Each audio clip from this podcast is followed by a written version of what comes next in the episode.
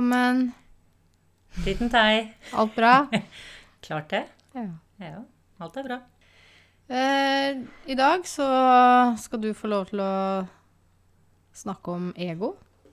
Det hadde jeg ikke planlagt. Jo, det hadde du planlagt. Nei, jeg hadde ikke det, Line. eh, nei, jeg hadde ikke det. Eh, Hadde du ikke det? Nei. Det var det du sa. Altså. Det tenkte jeg også å ha en sånn egen om. Nei, nå har jeg masse andre historier jeg har lyst til å fortelle og prate om nå. Ah, okay. Eh, fordi det med ego, det er ganske komplekst og stort tema.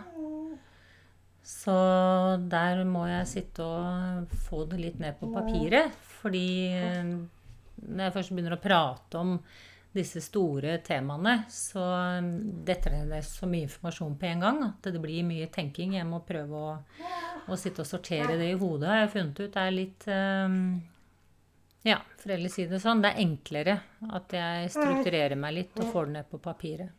Mm. Mm. Det er en som har lyst til å si noe her, men eh, Ja, Dharma har visst noe på hjertet i dag. Hva vil du si? du ser ja. det menneskelige uttrykket, vet du. Jeg har det. Ja, du sitter og tenker på det, eller?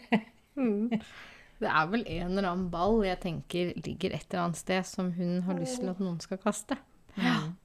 Nøttelille. Det var en ting jeg hadde lyst til å si. Og Anita har gjentatte ganger når hun hører gjennom poden før vi legger den ut, så syns hun at hun eh, avbryter meg så veldig. Og så må jeg si det at til hennes forsvar så er det jo sånn at når vi snakker om litt sånn dype ting som vi må Kanskje vi mens øh, vi har et opphold, da.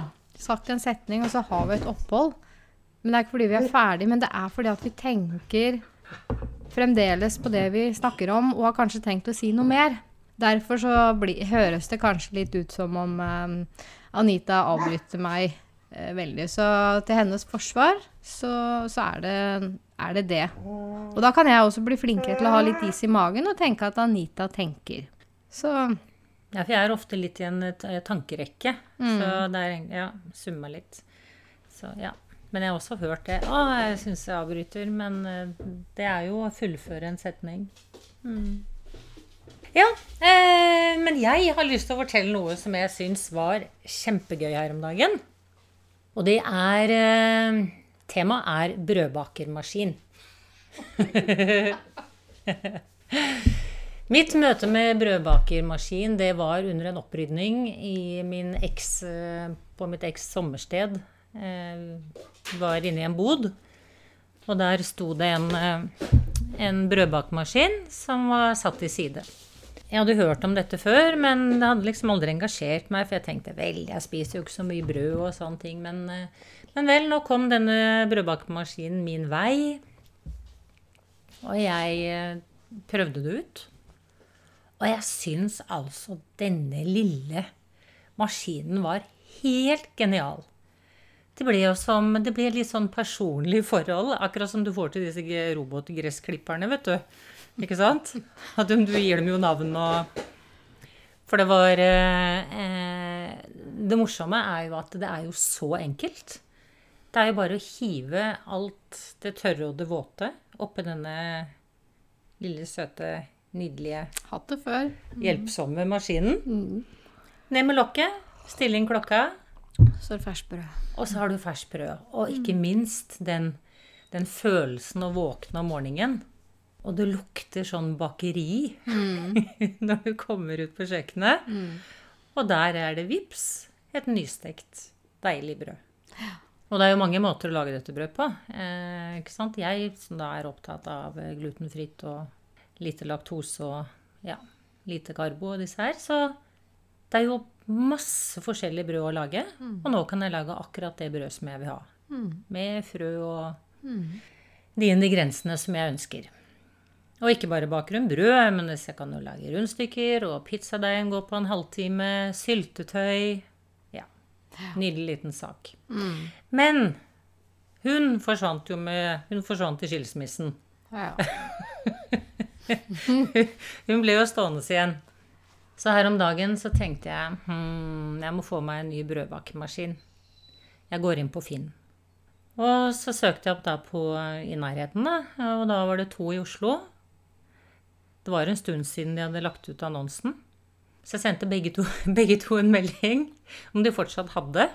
Og det hadde de begge to. Og hun ene skulle ha 300 for en, og den andre skulle ha 200 for en. Og begge to var brukt sånn typ én-to ganger. Det er ikke latterlig, vet du. Og så var det så hyggelig dialog, så da endte jeg opp med å si at Ta begge to. jeg tar begge to. og så ble det. Så nå har jeg da to av disse deilige skjønnhetene hjemme i kjøkkenskapet mitt. Ja. Så eh, hvem vet? Kanskje jeg på et tidspunkt kommer dit at jeg står for hjemmelagde brød som folk kan komme og hente. Kanskje det er behov for det en dag. Eller at noen vil låne, eller jeg kan lage brød og syltetøy på samme tid. Det var jo en, det var et røverkjøp, spør du meg, med Og da er det så gøy når du får to nesten nye maskiner for 500 kroner. Men det er så mye på, på Finn. Jeg har innreda hele leiligheten her på, med Finn. Spart masse penger.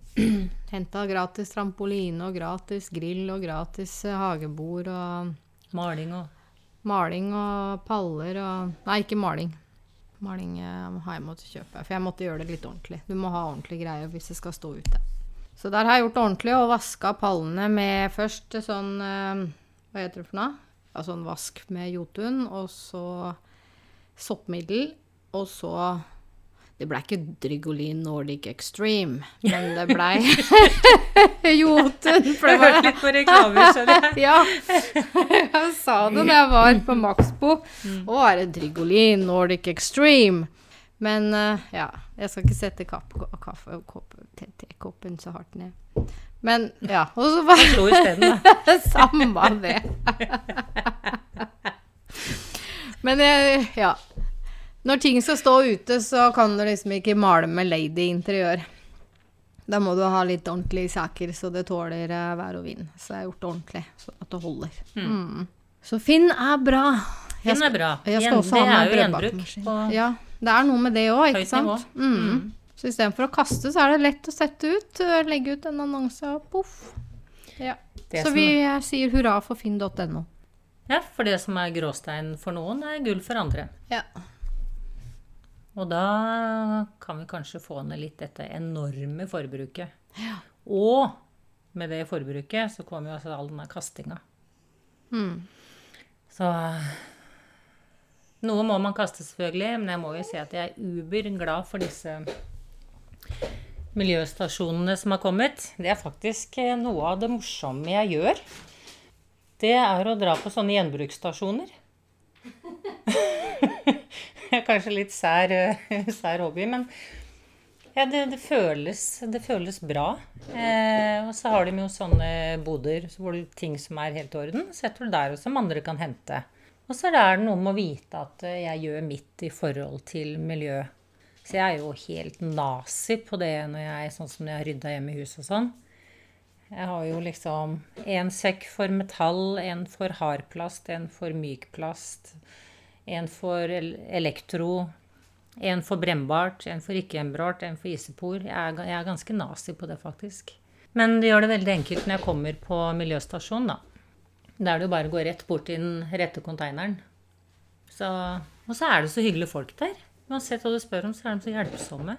Nei, det er uh... Selv når du går Var det du mye uro i dag, Line? Nei, det er Dharma. Men er de like hyggelige selv når du går uten munnbind? Jeg har ikke hatt noe problem med det. Nei. Nei. Jeg har eh, generelt veldig lite problem med å gå uten munnbind. Jeg òg. Det er ikke, men det, det var kult at du sa, for det var en innledning til, eh, til en historie. Så fortell. Knirke, knirke. Det er dumme stoler jeg har. Det får bare være. Kjør på. Eh, Jeg skulle på Elkjøp, Elkjøp her. Eh, Jeg går inn uten munnbind. Jeg har alltid, skal sies, jeg har alltid et munnbind i, i lomma. Hvis jeg ikke har mulighet til å holde avstand. Og stort sett så går det kjempefint overalt. Det er ikke noe problem. Og hvis noen spør, så ser jeg har det i lomma. Så er jeg egentlig forberedt på jeg er, ve- er veldig forberedt på at noen gir meg tilsnakk eller sier noe til meg. Eller, men det har gått veldig bra. Og så kommer jeg på Elkjøp, og så står det altså en ung gutt i, i inngangen der. Så sier han du må ta på deg munnbind. Jeg, jeg skjønner litt, og jeg, jeg, har forståelse for det, fordi dette er et, et enkeltstående senter eller en butikk. Eh, og det er sikkert viktig at, at, de overholder for å kunne holde åpent. Så jeg tar på meg munnbindet. Og så sier han, og jeg var overhodet ikke forberedt, og så sier han Og så må du sprite hendene dine. Så sier jeg nei, jeg vil ikke sprite hendene mine. Jeg bruker ikke sprit. Jeg vasker meg ofte. Jeg er renslig. Jeg vil ikke bruke sprit, for jeg ser på det Folk bader i sprit om dagen. Og i min verden og i mitt hode og min følelse for det, så er ikke det bra. For det er kjemiske giftstoffer, og alt dette går inn gjennom huden. Og jeg er ganske sikker på at eh, det er faktisk noen som vil dø bare av all spritinga. Så jeg spriter meg ikke. Nei, jeg gjør ikke det. Eh, og jeg hadde ikke noe svar klart på det heller. Og han var så standhaftig. Han satte altså øynene i meg og sa du skal sprite deg. er det mulig? Så jeg jeg vil helst slippe. Ja, da må du ha på deg hansker. Ok, sa jeg, men har du et par hansker til meg? Nei, det har jeg ikke. Da kan jeg spørre men hvilken butikk. Du, hvis du ikke spriter deg, så får du ikke komme inn, sier han. Er dette for en butikk? Det var Elkjøp på Lørenskog. Ja. Da... Og vet du hva, jeg jeg blei så sint. Jeg trodde jeg skulle revne. og jeg følte meg så overkjørt, så det blei jo å gå over til den her jævla spritdunken, da. Og feie hånda innunder, ikke sant. Og tørke meg. Og han, han sto der som en sånn en Aah. Og jeg går inn i butikken, og jeg var altså så sint. Og jeg, og jeg er jo egentlig ikke en som er, er mye sint. Og jeg står innpå det og bare ja, ja, spøy uten noe eder og galleord der. Altså, så kommer det bort en annen fra Elskjøtt. Så sier han unnskyld, kan jeg hjelpe deg med noe? Så sier han vet du, nå er jeg så forbanna. Og jeg beklager, men jeg har litt problemer med, med, å lande og roe meg ned her. Eh, og han var jo helt han var jo helt nydelig i måten han møtte meg på. For han, så, jeg, så, fortalte jeg den, eh, det overtrampet da, som jeg følte. Sier han ja, jeg beklager det. Eh, ja, men er, du må si ifra hvis det er noe og, ikke sant? Han var, veldig, han var veldig rolig og bare imøtekommende, så jeg fikk ned pulsen. Og fikk handlet det jeg skulle, da.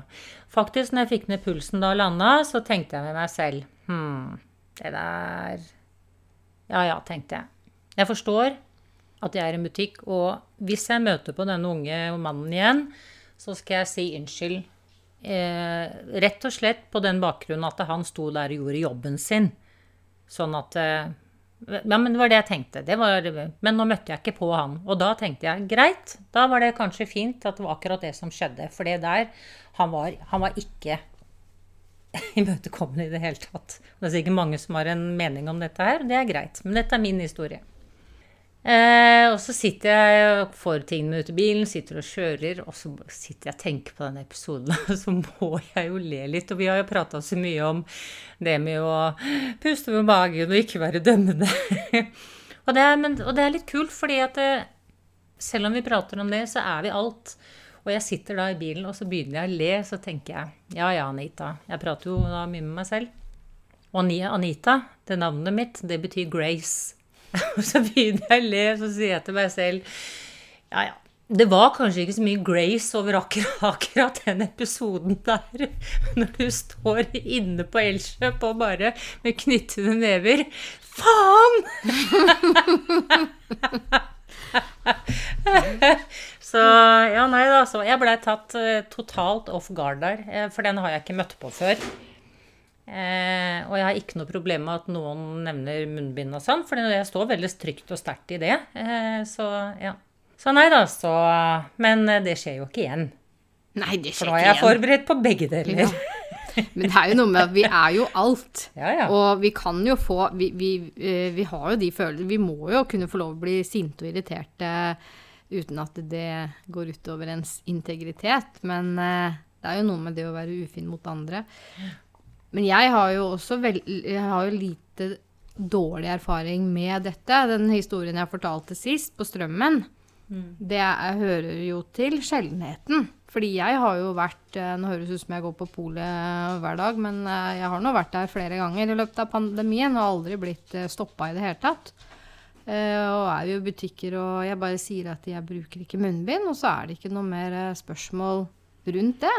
Så for meg så var det veldig spesielt at han blei så hard, og sånn som du opplevde. Mm. Eh, men eh, Og én ting er å gjøre jobben sin. Jeg tenker jobben er å minne folk på munnbind. Men og det, og det å bevege seg inn i det private og kreve at folk skal sprite og ha munnbind, eh, det tror jeg er litt utenfor deres hva heter det for noe? Eh, myndighetsområde, da, for å si det sånn. Så sant nei, vi er jo inne på at det er mange som mener at de er full, har full rett til å tvinge. Så vi er inne i en eh, Jeg kunne nesten brukt ordet interessant, men jeg må nesten si egentlig litt eh, farlig tid. På en måte også. For hva er det menneskeheten velger? Jeg, jeg håper at de fleste har fått med seg at hvis man går for tvang på noe, så går man på tvang for alt. For hvor går grensene hen? At det, er det du forventer av en annen, må du også gjøre selv. Jeg syns det er veldig vanskelig å si om eh, Jeg syns historien gjentar seg om og om igjen. Jeg. jeg blir litt sånn, nesten litt sånn lei meg på menneskehetens vegne eh, Absolutt, absolutt. når jeg ser det store bildet. Fordi det, det her er liksom bare én ting. Ok, det har skjedd globalt, men eh, hele vårt liv Du Ja, jeg er 47 år, og det er, det er mer enn første og andre verdenskrig som uh, har, har vært av kriger opp igjennom. Det er jo hele tiden uh, krig, krig, krig. Og det som skjer i krigene, er jo, er jo det onde og, og tvang og Må skille, skille oss, fordi eh, sammen er vi sterke. Mm. Og hele tiden er det systemer som kommer i veien, som, mm. som jobber mot det motsatte. ja. At vi blir grupperinger, og at vi blir delt, Mm. og at eh, det blir stående på hver sin side og si hvem som har rett og galt. Mm. Eh, og det er jo alltid et organ som styrer det, og det er jo lederne. Mm. Og så er det hva er folk med på, da? Det er eh, Du husker den metaforen min eh, Hvis det hadde vært, vært lov til en onsdag i måneden å kaste murstein på folk som gikk med rød lue, mm, så hadde det faktisk vært folk som gjorde det. Yeah. Og det er jo mange år siden jeg lagde den lille historien. Mm, Men sånn er det dessverre. Og det er den massesuggesjonen. Og man kan si det er Ja, men det er jo bare en bagatell, det å stå i en kø på polet og bli nekta. Nei, vet du hva, det er ikke det. For det er essensen mm, av det som blir fortalt gjennom den hendelsen, mm. som er farlig. Det er den der massesuggesjonen. Det å få folk til å utøve en autoritet uten at de egentlig skjønner hvorfor de gjør det. Kan godt hende at de tror at de må gjøre det. De tror de gjør noe riktig, antageligvis. Mm, Men det blir jo, er jo egentlig å innskrenke både seg selv og den andre samtidig. Men de tror de gjør det bare med den andre. Ja. Fordi de har eh, regelen eller loven eller retten i, på sin side Jeg må si um. Nå blir det reklame for Metro her. Vinmonopol på Metro. Men det har vært en helt annen Securitas-vakt, og han har uh, stått der mange ganger. Og han uh, har Ja, har du munnbind? Så sier jeg nei, jeg bruker det ikke. Å nei, du kan ikke bruke det. Nei. Nei, OK. Nei, men bare gå inn, du. Mm. Altså, sånn, det, det handler om Han er møtt på. Nei, jeg kan, jeg kan ikke tvinge deg, sa han. Og så blunka han. Ja. Det var jo en fantastisk opplevelse. Ja. Og jeg er en person som tar hensyn. Jeg går ikke opp andre, og jeg går ikke inn for å være i krig. Jeg går ikke inn Men jeg har min overbevisning om dette her og hva som foregår, og ja. Jeg har tro på at det er viktig at jeg står i meg på det. Mm. Men det er jo noe med det som jeg sa sist, at eh, Eller forrige forrige gang, kanskje. De som ikke har turt å stå for noe Altså, har du, har du ingen fiender eller uvenner, så har du ikke turt å stå opp for noen ting. Mm.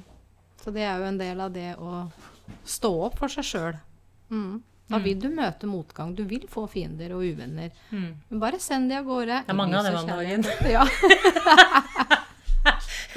Så står det ikke folk, folk igjen rundt meg. Nei. Men det, Men det er ikke så stå sin viktig. prøve. Det er ikke Ja. så viktig. Det er viktig å ha Jeg vil heller ha tre gode venner enn eh, 13 dårlige eller halvdårlige eller bare sånn, ja. Ja, så mye, ja. Men jeg må jo si, man har jo venner havner vel litt ut på et annet tema her, vi trenger ikke å gå i dybden på det. Men uh, man har venner til uh, forskjellig bruk. ja. Jeg kan ha venner som ikke er helt der jeg er. Fordi det er noe med det å, å møte en motstand hos en venn, og samtidig være venn. For det er noe med det å se hele mennesket og akseptere. Men det å møte en motstand og få noen argumenter imot, det, må, det setter jo i gang en tankerefleksjon hos Nå snakker jeg for meg sjøl, da. Hos meg også. Det betyr ikke at jeg skal endre mening. Men hvis det kommer et nytt argument, da, så må jeg kanskje tenke litt over det. Så mm. Absolutt. Eh, og det å finne, finne en som er helt lik meg, det er jo helt umulig, for jeg er unik. Ja. Men og det er klart at det, det booster meg og gjør meg jo godt å være sammen med like, fordi vi kan, vi kan prate om samme temaer, og vi kan sparre fram og tilbake på det. Men jeg er på ingen måte sånn at, folk må være, at, at noen må være enig med meg. Det På lik linje at uh, uenighet er jo egentlig fint så lenge man respekterer den andres ståpunkt. Mm. Men det, det er klart Like barn leker best. Ja. Og, men det vil alltid være fordi det er så mangfold. Så det vil aldri være sånn at det, man alltid er like. Nei. Det vil si at man har like verdier. Ja, man har de samme grunnleggende filosofiske tingene eller, ja, som, man, som, man, som er viktig, og som du ikke Hva er det du, du kalte det så fint i en av disse podene dine? Som er en Moralske kompasset? Nei. Ja, eller som er en sånn at eh, eh, ja, Vi kaller det verdier, da. Grunnleggende verdier. Som er på en måte essensen av meg. De er det fint Eller jeg funker best sammen med de som har de samme verdiene. Men det er jo et stort spekter utenom verdiene. Og det er jo å ha dialoger og, og speile seg i andre ting og lære nytt om seg selv. Og, så det er jo helt fantastisk. Det er et mangfold. Ja, fordi Det er jo det fellesskapet Det er jo derfor vi ikke har noe fellesskap. Fordi at det ikke er åpenhet for alt det en har å komme med. ja. Men jeg trenger jo ikke å eh, Og der kommer dette inn til forskjellig bruk å gjøre. Jeg kan jo jobbe på hvilken som helst arbeidsplass så lenge vi har verdier, de samme verdiene. ja.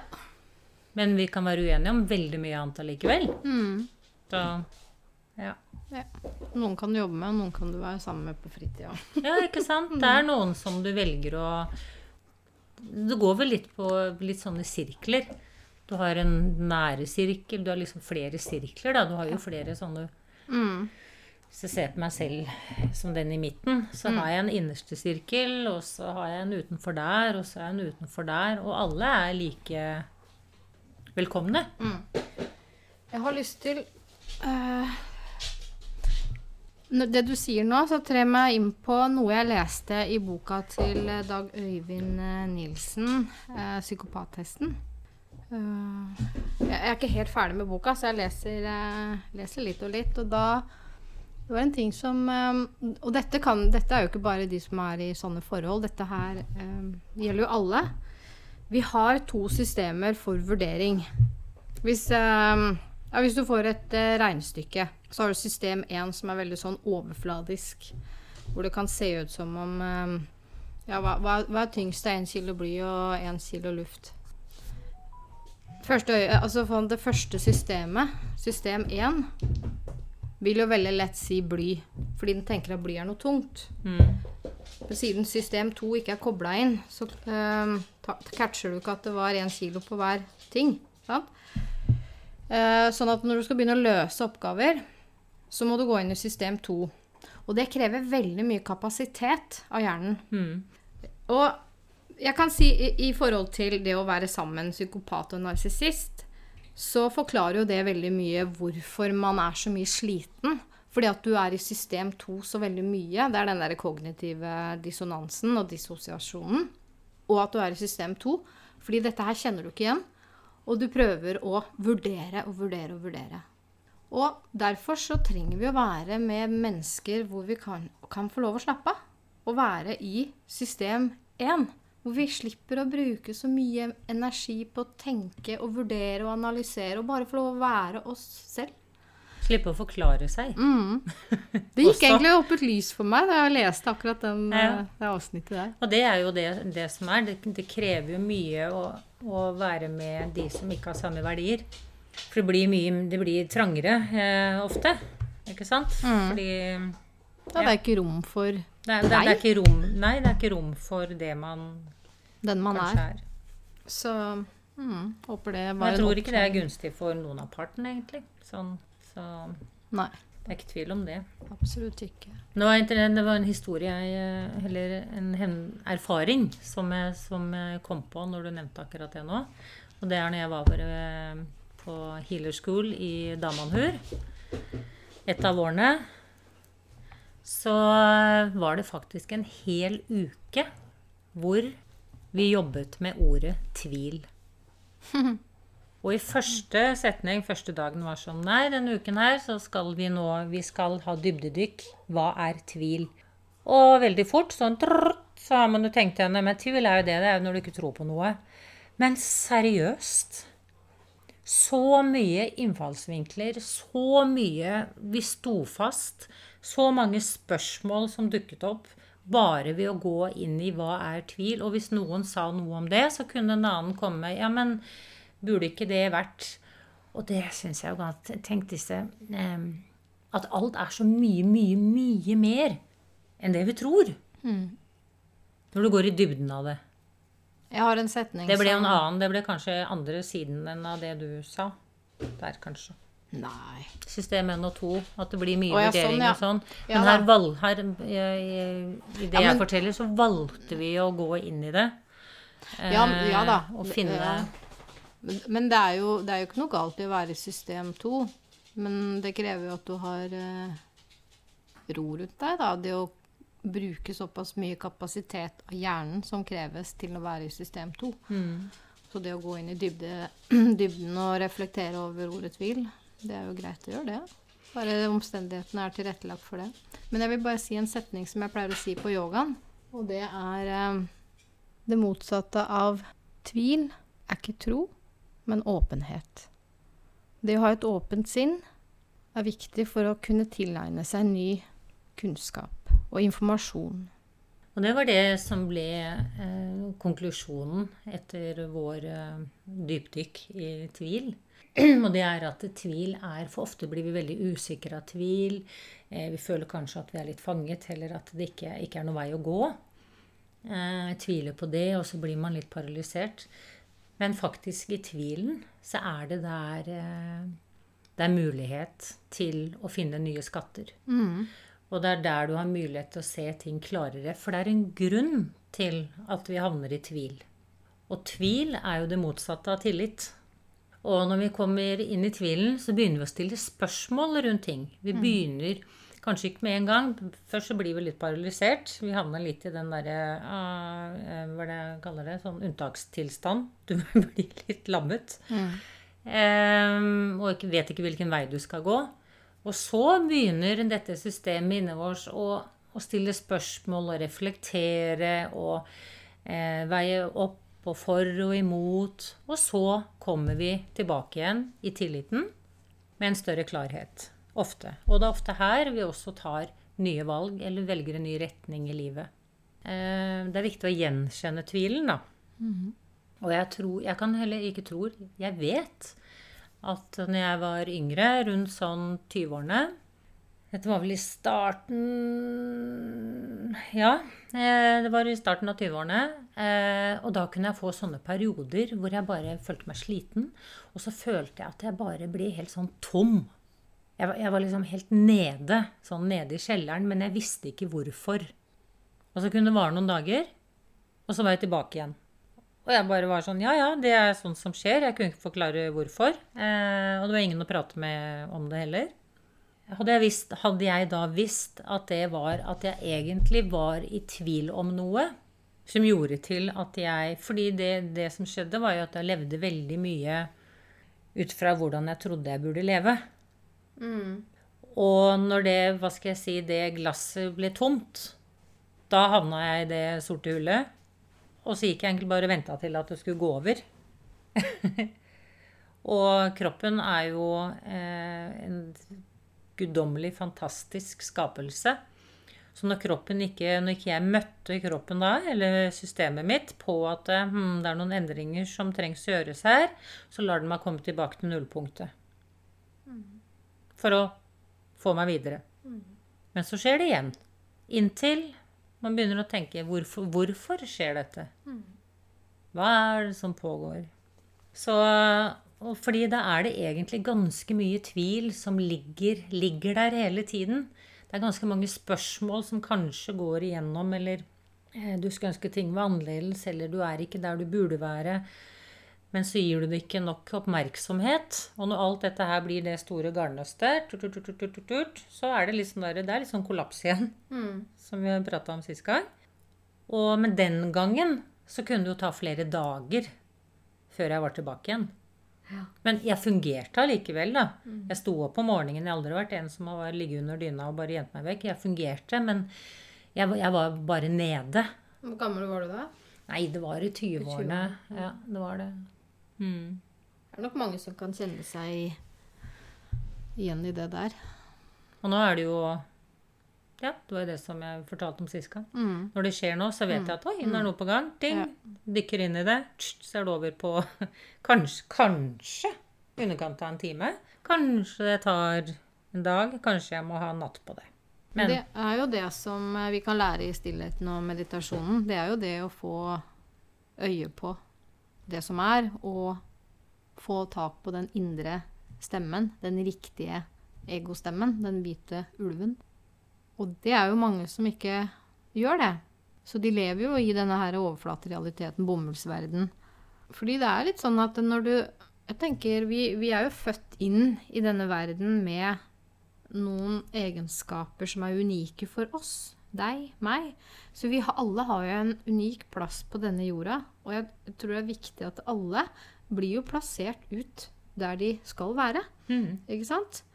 Um, livets puslespill. livets puslespill. Og jeg tenker mye av jobben som menneske er på en måte å finne ut av det. Og i ungdommen, og det er jo så mye som skjer, og veldig vanskelig å finne ut av ting. Jeg skulle ønske det var egne hva skal jeg si, mindfulness-lærere på barneskolen, ungdomsskolen, videregående, som barna, ungdommen, kunne gå til å få veiledning, og ikke da den herre Nei, du har så dårlig karakter i matte, så du kan ikke gå videre med det. Så det er ikke sånn veiledning jeg snakker om. Jeg snakker mer om åndelig veiledning. Det få- kommer, det. Ja, det, det tror jeg og håper jeg. Det, det finnes jo andre deler av verden, selvfølgelig, som, som har mer dette implementert i hele systemet sitt. Mm.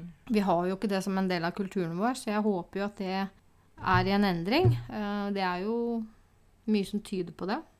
Men om det kommer i mål Nei da, nå skal vi ikke være pessimistiske.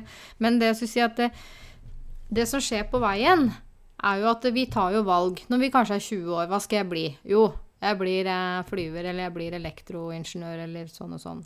Og så gjør du det bra, og du kan eh, jobbe med det noen år, men etter hvert så er det et eller annet som sniker seg inn. Det er et eller annet som du føler feil. Du er på feil plass. Eh, du klarer ikke å forklare hvorfor. eh, at det er jobben, ikke sant? Det det. Men det kan være en irritasjon inni deg, du kan bli mer sint. Altså, toleransevinduet ditt blir bare smalere og smalere. Fordi at sjelen din skriker 'hallo, vi er på feil plass'. Mm. Du har helt andre egenskaper som skal til bruk. Det betyr ikke at det er feil, det som har vært. Men kall det midtlivskrise. Hvorfor plutselig endrer folk ehm, retning? Dette snakka vi om i første podden, og jeg skal ikke gå så mye dypere inn i det. Men midtlivskrise er for meg en indikasjon på at du ikke er til stede i deg selv og der du skal være i livet. Hadde du vært det, så hadde du ikke hatt den krisen. For krisen kommer jo av at den situasjonen du er i, er feil. Det er ikke bra å være her. Men hadde du vært på et sted hvor du følte du på en måte hadde en plass, så hadde du ikke hatt behov for andre materialistiske ting utenfra for å på en måte få deg inn i eh, Føle at du å, har det bra. For det er en utømmelig kilde. Mm. Når du er i det der ego, det mørke ego der, Altså, du kan kjøpe så mye biler og båter og damer og menn og klær og smykker som du bare vil, men eh, det, er, det er bare aldri fylt på det rommet Får aldri fylle på den. Så, så jeg tror det er viktig å, å, komme tidlig i gang med refleksjon og indre arbeid for å finne sin plass i dette vakre puslespillet. Mm, ja, det er jo det, Jeg regner med at vi har fått frem det budskapet, at det kan være smart å gjøre. Eh, det betyr jo ikke at man må gjøre det. Eh, men når man møter på disse tingene Og midtlivskrise er jo egen, kan egentlig bytte ut det med å være nede eller være i kjelleren, som jeg nevnte i stad. Det er egentlig bare to forskjellige måter å, å fortelle om det samme på. For midtlivskrise, da har man jo levd et halvt liv. Og egentlig så får man jo muligheten til Endring. endring. Mm. Eh, det er klart hvis man Det som ofte skjer da, er jo, når du nevner båter og biler sånn, er jo fordi at man tenker at det er noe utenfor en som kan løse det. Mm. Men det er det jo ikke. Og da har man jo fått den muligheten en gang til. Og tar man ikke den, så begynner kanskje livsstilssykdommer å komme. Mm. Da begynner sykdommer å komme, fordi da begynner kroppen å tenke ah, nå har jeg vært med på dette kjøret ditt, altså et halvt liv, og du har tenkt å fortsette i samme gata. Nå begynner jeg å bli sliten. Nå har altså hjertet mitt fått så altfor lite glede. Hjertet handler om glede. Sånn ekte glede, den som, den som når du er berørt, og du klarer å ta inn skjønnheten og eh, Dette skal jeg komme nærmere tilbake til. Eller eh, ryggen tenker Nå har du vært så lite her for deg selv, og så begynner smertene. Så, så det er en det, Og det er den veien veldig mange følger, da. Mm. Det er jo derfor jeg har lyst til å dele disse tingene og denne både visdommen og erfaringen som jeg har på dette her, og lærdom. Altså, du sier det er tankskip å snu eh, i forhold til mange ting. Jeg har jo jobbet med livsstilsendring. Og jeg Men alle ser må gjøre det selv. Selvfølgelig. Det er opp til hver enkelt. Ja. Men jeg regner to år. Hvis jeg har en klient da, som eh, vil gå ned i vekt, så er jo på en måte eh, For mange så er det å gå ned i vekt bare sekundært. Det er ikke det der problemet ligger. Vi må se bakenfor. Og da går man i dybden på I hvert fall jeg, da. På alle plan. Og du må regne en to år på en livsstilsendring. Og det å være villig til å endre. Det tar tid. Og jeg merker jo i begynnelsen det er så mye motstand mot endring. Og det ligger jo litt i oss også. Vi er veldig motstand mot endring, om det er på arbeidsplassen eller bosituasjon eller relasjoner. Alt. Det ligger i oss, så det må vi bare um, bruke tida til. Overvekt handler vel men det, Og det er vel en ganske kjent sak nå, vil jeg tro. At overvekt handler jo ikke bare at folk ikke klarer å, ikke, å slutte å spise. Nei, det er sånn, det, det, er handler jo en om en en beskytt, det handler om en beskyttelse. Man, man, det blir jo lag, ikke sant. Du lager lag på deg selv for å beskytte deg. I de tilfellene hjerte- det er mentalt, ja. Ja. Det er ikke alltid det, men Eh, um, åpe og ofte så eh, spises det i forhold til at det er et tomrom. Man kjenner en tomhet, man kjenner Mm. på noen følelser. Det er noe som gjør vondt, det er en uro. Og så fyller man Det er jo egentlig å fylle et tomt hull Mm. Ja, ja. med noe. ja. Ikke sant? Mm. Det, det, er tom, det er en tom følelse på innsiden. Ja, da, helt naturlig nok da, logisk nok, så vil du fylle det rommet med noe Mm. for å slippe å kjenne på tomheten. Nettopp. Og det er jo det vi har snakka om hele tiden. Det der å møte uroen. Det er jo eneste veien å gå. Og, men det er jo fordi at folk ikke orker å være i uroen.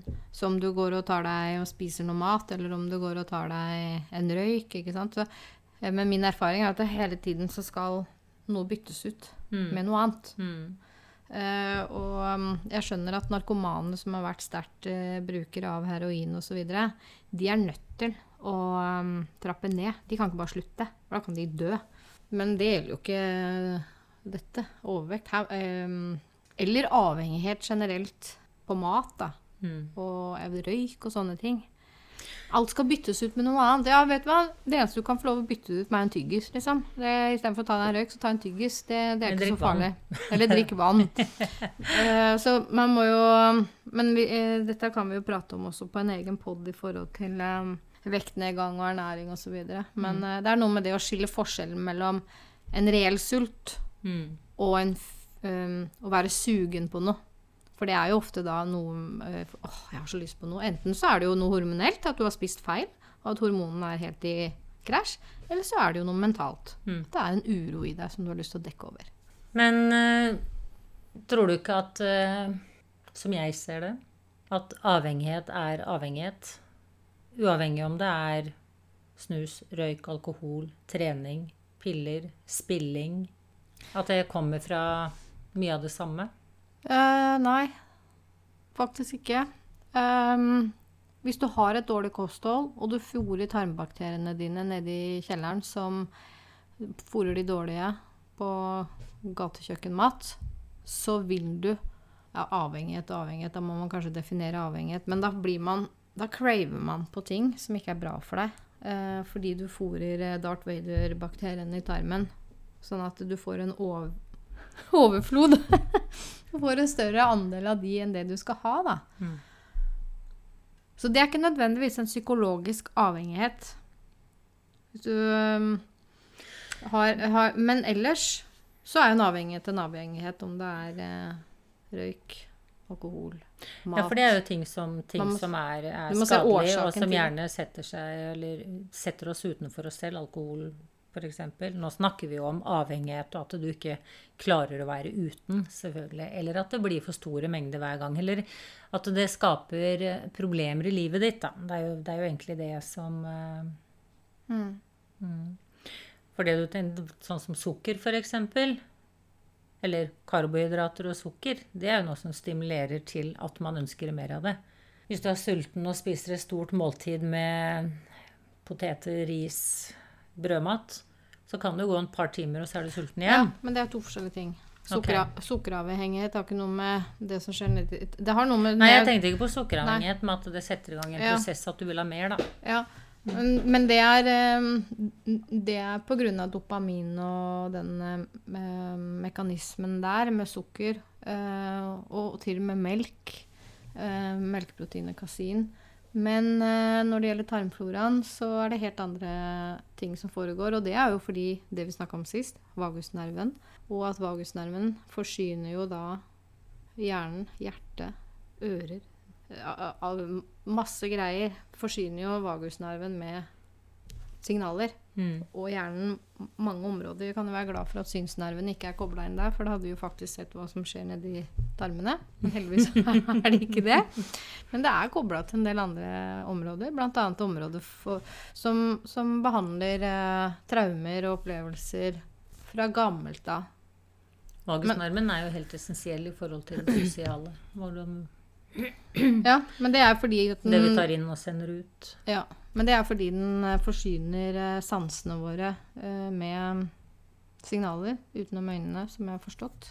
Så det å spise mm, Men dette, mage-tarm-skolen, det skal bli et prosjekt for oss. For det, det er så omfattende.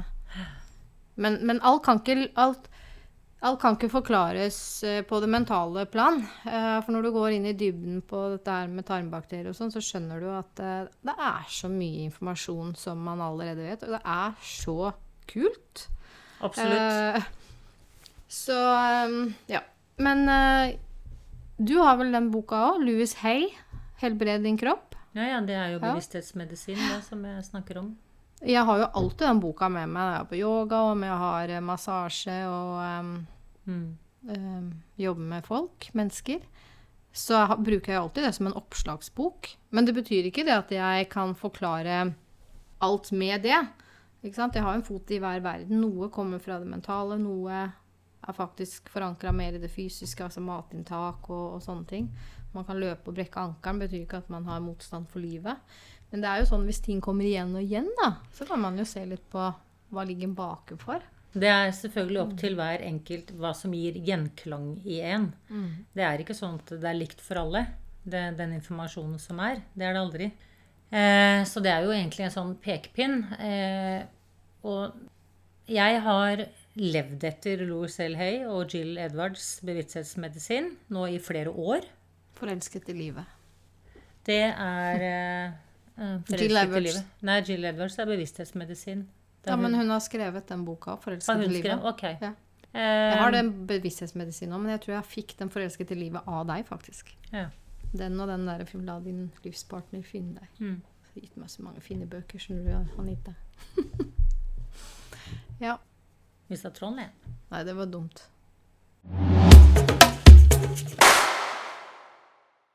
Og det er jo sånn at når noe skjer, selvfølgelig Hvis jeg sklir og brekker benet, ja, så gjorde jeg det. Jeg kan faktisk Jeg stiller jo spørsmål med alt som skjer. Det er sånn jeg er skrudd sammen. Jeg syns det er veldig spennende. Um, og som sagt, så jeg Når noe skjer meg nå, så har jeg Så går jeg inn og ser hva handler det om. Og hvis jeg er helt ærlig med meg selv, hva som står der, så ser jeg at det, ja, det er faktisk helt korrekt. Men det krever en stor ærlighet til seg selv. Og ha kontakt med underbevisstheten sin. Ja. Fordi det er underbevisstheten som styrer disse tingene som jeg tiltrekker meg. Og jeg, først, første gang, og det er Å, guri land. Det må ha vært i 2012 eller noe sånt. Det var vel 2012, tror jeg. Som jeg virkelig Og etter Da hadde jeg jo holdt på med det en stund. Og så kom det en episode hvor jeg står på kjøkkenet, jeg står og lager mat, og så står jeg og skjærer med kniven. Og nesten som i sakte film så ser jeg at jeg skjærer meg gjennom fingertuppen med denne kniven. Men handlingsmessig så er det jo zitt, et, et knutt eh, Nei, knutt. Et kutt, ikke sant? Sånn som, og man trekker jo til seg sånn reaksjonsmessig. Det er jo hjernen som ordner opp der. Men det er akkurat som tiden står litt sånn, går sånn kjempesakte, så jeg ser det i sakte film. At kniven sklir gjennom kjøttet og opp igjen. Og så ble jeg sånn Hva var det for noe? Akkurat som du bare gjorde det med vilje. Akkurat som jeg gjorde det med vilje, Ja. faktisk. Jeg opplevde det sjøl. Det var akkurat det, det, det var bra. For det var akkurat som jeg sto og gjorde det med vilje. Og så tenkte jeg dette må jeg sjekke. Opp med Louis L. Hay, som jeg hadde da. Eh, Jill Edwards kom litt senere. Og så leser jeg, og så står det Kutt. Straff for å ikke leve ut sin egen sannhet. Nei, for, straff for å ikke leve etter sine egne regler. In your face. Ja. Og jeg kjente jeg ble litt sånn Det var dårlig gjort på en måte. Men så tenkte jeg OK, hva er det nå? Og så var det sånn OK, hva er det jeg tenkte? Og hva er det, hva er det jeg tenkte? Men jeg gjorde andre ting enn det jeg tenkte. Og etter det så ble jeg, jeg ble ikke noe mindre interessert i å Nei. sjekke opp når ting kommer til meg. Og for meg så er det helt Det henger ikke på greip at jeg skal legge meg om kvelden. ikke ha vondt et sted. Våkne opp om morgenen og ha veldig vondt i, i hofta mi, f.eks. Eller plutselig idet jeg skal bøye meg, så tenker jeg ah, hva er det med knærne mine nå? Det er akkurat som det har kommet sånn kasta på meg. tenker jeg. Jeg har, ikke, jeg har ikke noe fysisk skjellig grunn til at det skulle ha skjedd. Heller ikke at jeg har spist noe. Så da tenker jeg, hva, hvilken program er det som er aktivt i meg nå? Hva er det jeg har tenkt? Hva er det jeg står i? Hva er det som Og veldig ofte får Noen ganger så går det opp et lys med en gang. Andre ganger så må jeg inn i stillheten. Så ja. Men det du sier der om ærlighet, er utrolig viktig. For det er jo egentlig fundamentet i, i alt som, som skjer oss. Det er at vi må være ærlig med oss selv. Um, det er ikke noe nytte med disse indre øvelsene eller Louis Hay som en oppslagsbok hvis ikke du er ærlig. For det er jo noe med så I meditasjonen, meditasjon, f.eks., når du er i stillhet og har på en måte virkelig roa sinnet, så kan jeg stille meg selv spørsmål. Og så kommer det en sånn eh, akutt eh, stemme inni meg, et sånt svar, akkurat som jeg ja, f.eks. i forhold med min eks. da. Eh, den gangen jeg var på Tenerife og bare kjente at åh, det var så destruktivt, dette forholdet. Og jeg kunne stille spørsmål, og det kommer rett til meg. bare, Dette går ikke. Det er ikke noe Du må bare vekk. Nå var ikke det en veldig vanskelig sak å være ærlig med seg selv for, men du sa jo dette sist også i forhold til det som kommer fram, hva den stemmen sier til deg. Det er jo den formidlingen i forhold til ego. Eh, Er det den hvite eller sorte ulven vi, vi lytter til? Så virkelig kjenne etter lytte og være dønn ærlig med det som blir formidlet. For hvis du ikke følger den stemmen, så vil du deviere fra din autentiske sti, da, eller vei i livet, og hvor du skal hender. Og den blir, ikke, den blir, egentlig ikke stille, for den vil komme i mange forskjellige oh, ja, ja, former. Fordi jeg har opplevd mang en gang at jeg får opp svar, og så er det ikke helt det svaret jeg har lyst på. Fordi at det krever ganske mye mot å gjennomføre det. Mm. Og så tenker jeg hm, nei, men hva om jeg tar den, eh, hvis jeg, hvis jeg tar den omveien der, hvis jeg gjør det sånn og sånn? Da blir det bra, vet du. ikke sant? Så da driver jeg egentlig med litt sånne utsettelser. Men det ligger jo der hele tiden. Inntil en dag man finner motet, og man klarer å hente opp den kraften man trenger til å gjøre det man bør i forhold til seg selv. Mm. Jeg husker jo jeg brakk ankelen. Det husker du vel? Mm. Det var jo faktisk når jeg var på utmarsj med norske redningshunder, så jeg måtte jo bli reddet selv. Men uh, i ettertid så har jeg ja, Først må jeg jo si at uh, når det gikk et um, Jeg brakk ankelen, fikk i meg noen plater og greier, og så uh, med en gang jeg kunne begynne å belaste dette beinet, så var jo jeg i gang og belasta, for jeg drev med yoga osv. Så videre.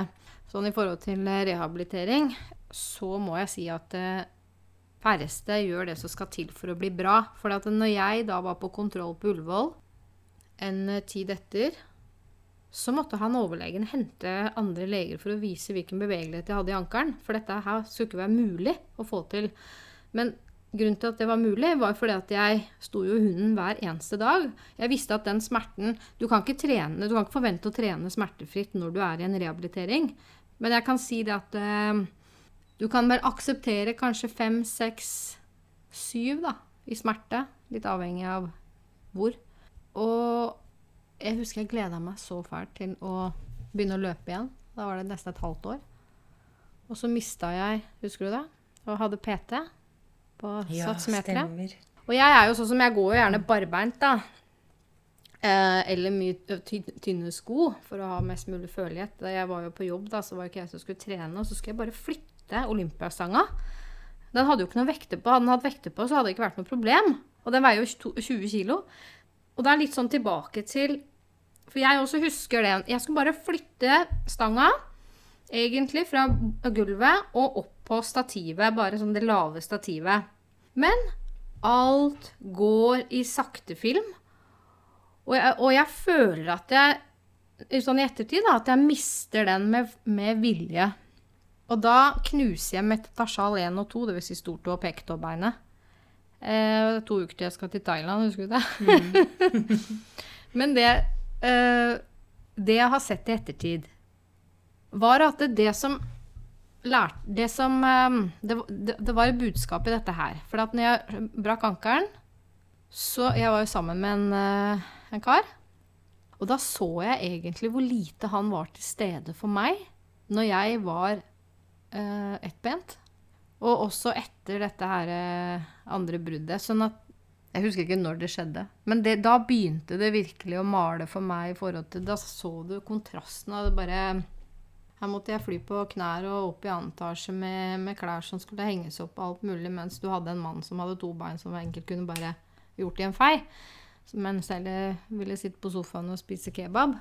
Men eh, spurte du om hjelp, da? Ja da. Det gjorde jeg. For det er viktig. Ja da. Det er veldig viktig å, å spørre om det. Og be om ting. Være klar i kommunikasjon. Helt enig.